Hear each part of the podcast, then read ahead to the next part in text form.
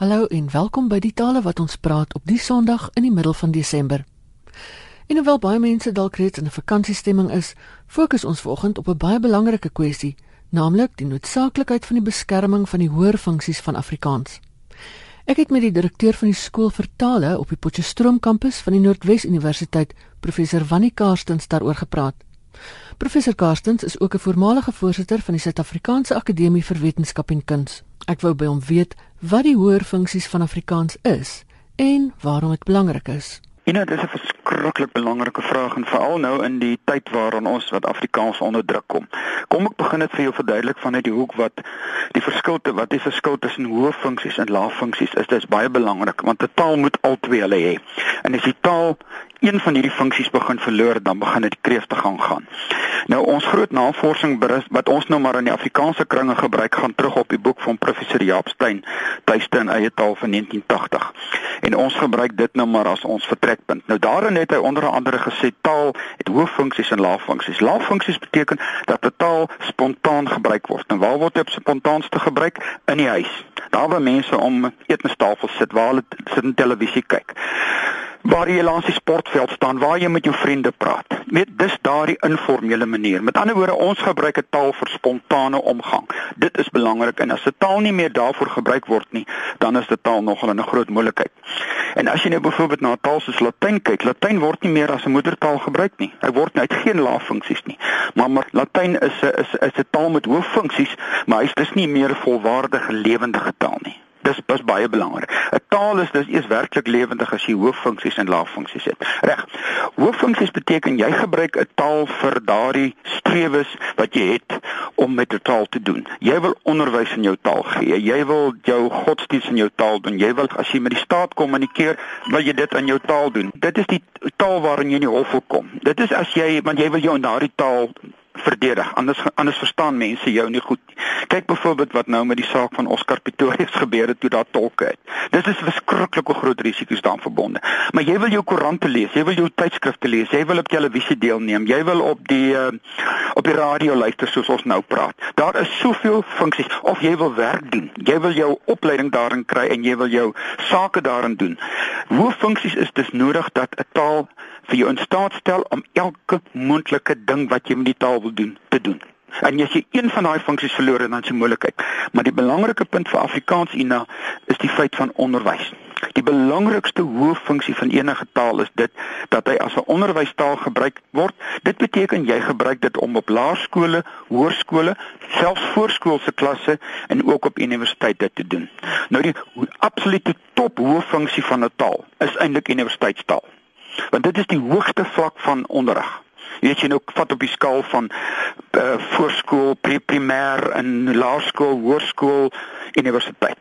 En as 'n taal daardie universiteitsfunksie begin verloor, dan begin daar moeilikheid kom. Ons was gewoond aan min of meer 5 Afrikaanse universiteite. Hmm. Dit het nou al hoe minder geword weens parallel onderwys en so aan. En in jongste tyd het sowel die PUK as of die Potchefstroom kampus as Stellenbosch onder in die, onder die soeklig gekom en dit lyk asof Afrikaans afgeskaal word. Ja, ja.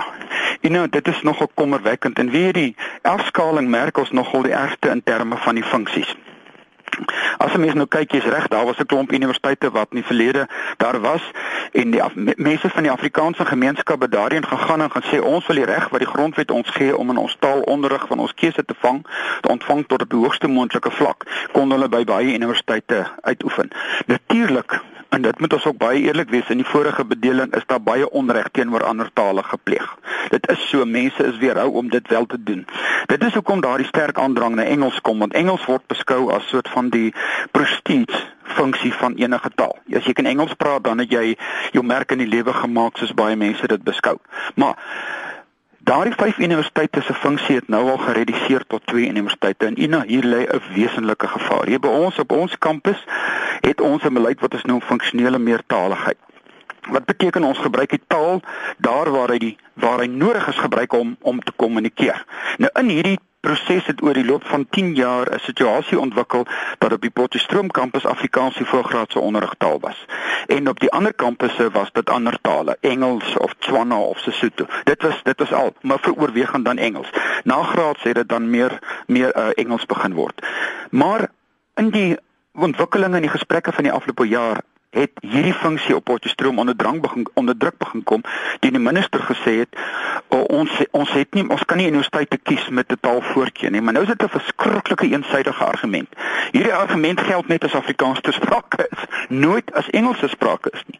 Want ek is seker as ek na UCT of Wits toe gaan en sê ek wil graag my studie in Afrikaans doen sal hulle vir my sê gaan Potchefstroom of Stellenbosch toe. Jy verstaan dit dit is 'n groot gevaar. Nou op Stellenbosch is dit nog so klein bietjie moeiliker omdat ek nou raadslid is en ek mag nou nie in terme van die raad se gedragskode my uitlaat oor oor gebeure nie, maar ek is dan taalkundige en daaroor kan ek praat.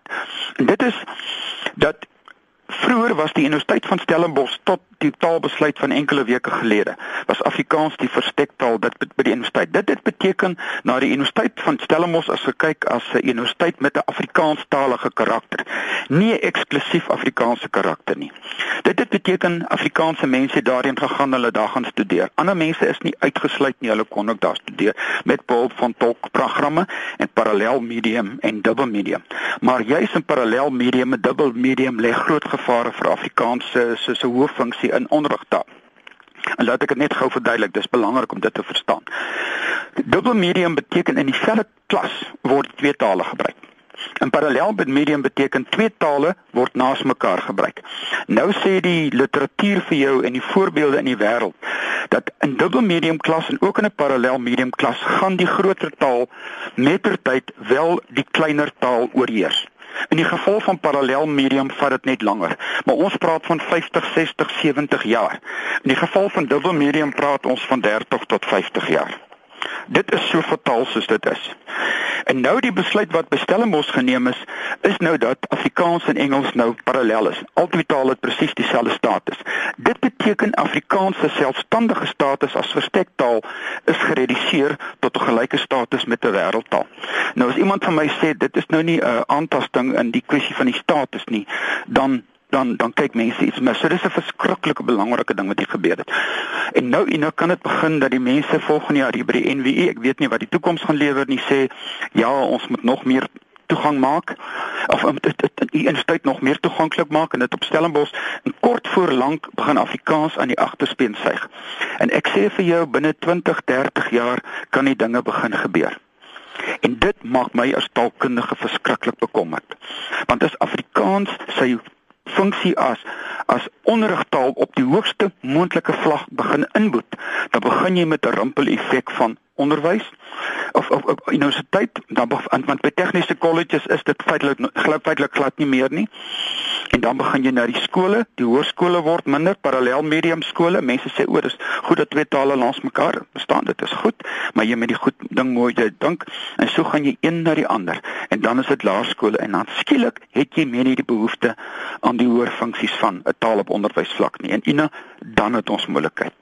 En so dit dit klink nou baie doom en gloomerig om nou die woorde te gebruik, maar dit is nou eerlik soos die literatuur dit vir ons aandui. Tog is die neiging na Engels 'n lyn reg teen die werklikheid van moedertaalsprekers ja, in die land. Ja, absoluut. En die, jy weet, know, ek sê altyd 20 jaar na demokrasie is een van die grootste aanklagte teen die regering die feit dat een taal beduidend bevorder is en dit is Engels. Ons het besluit op 'n beleid van 11 amptelike tale.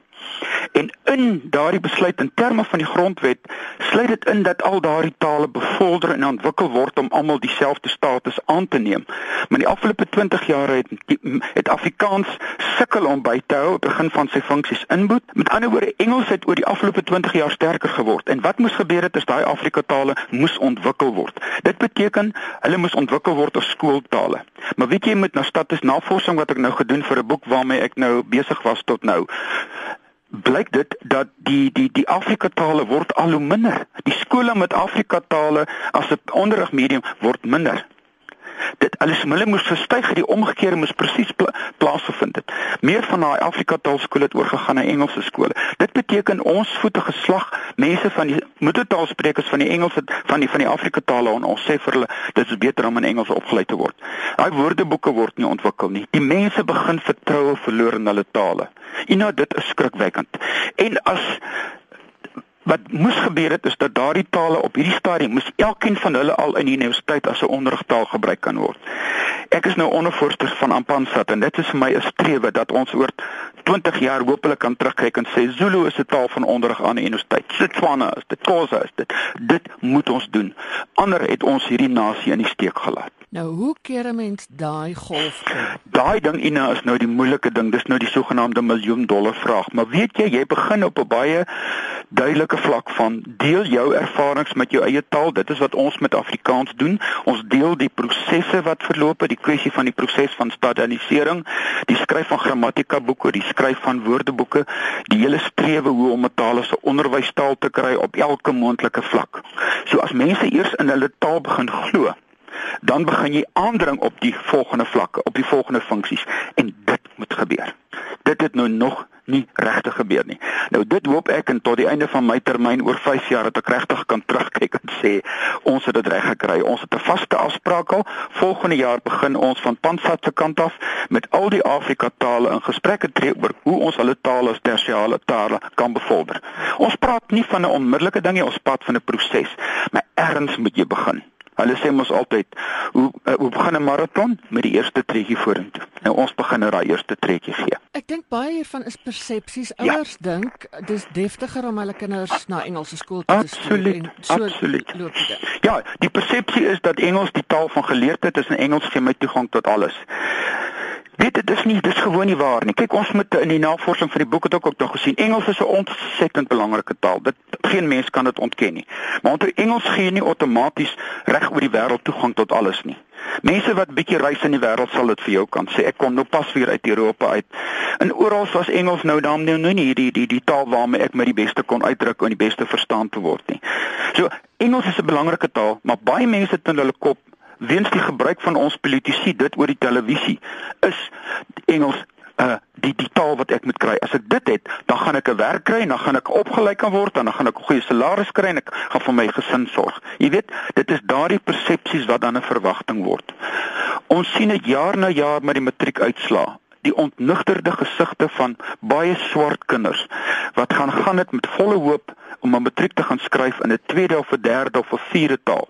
En hulle het nie die woordapparaat die insig om hulle in daardie taal op die beste moontlike wyse uit te druk nie.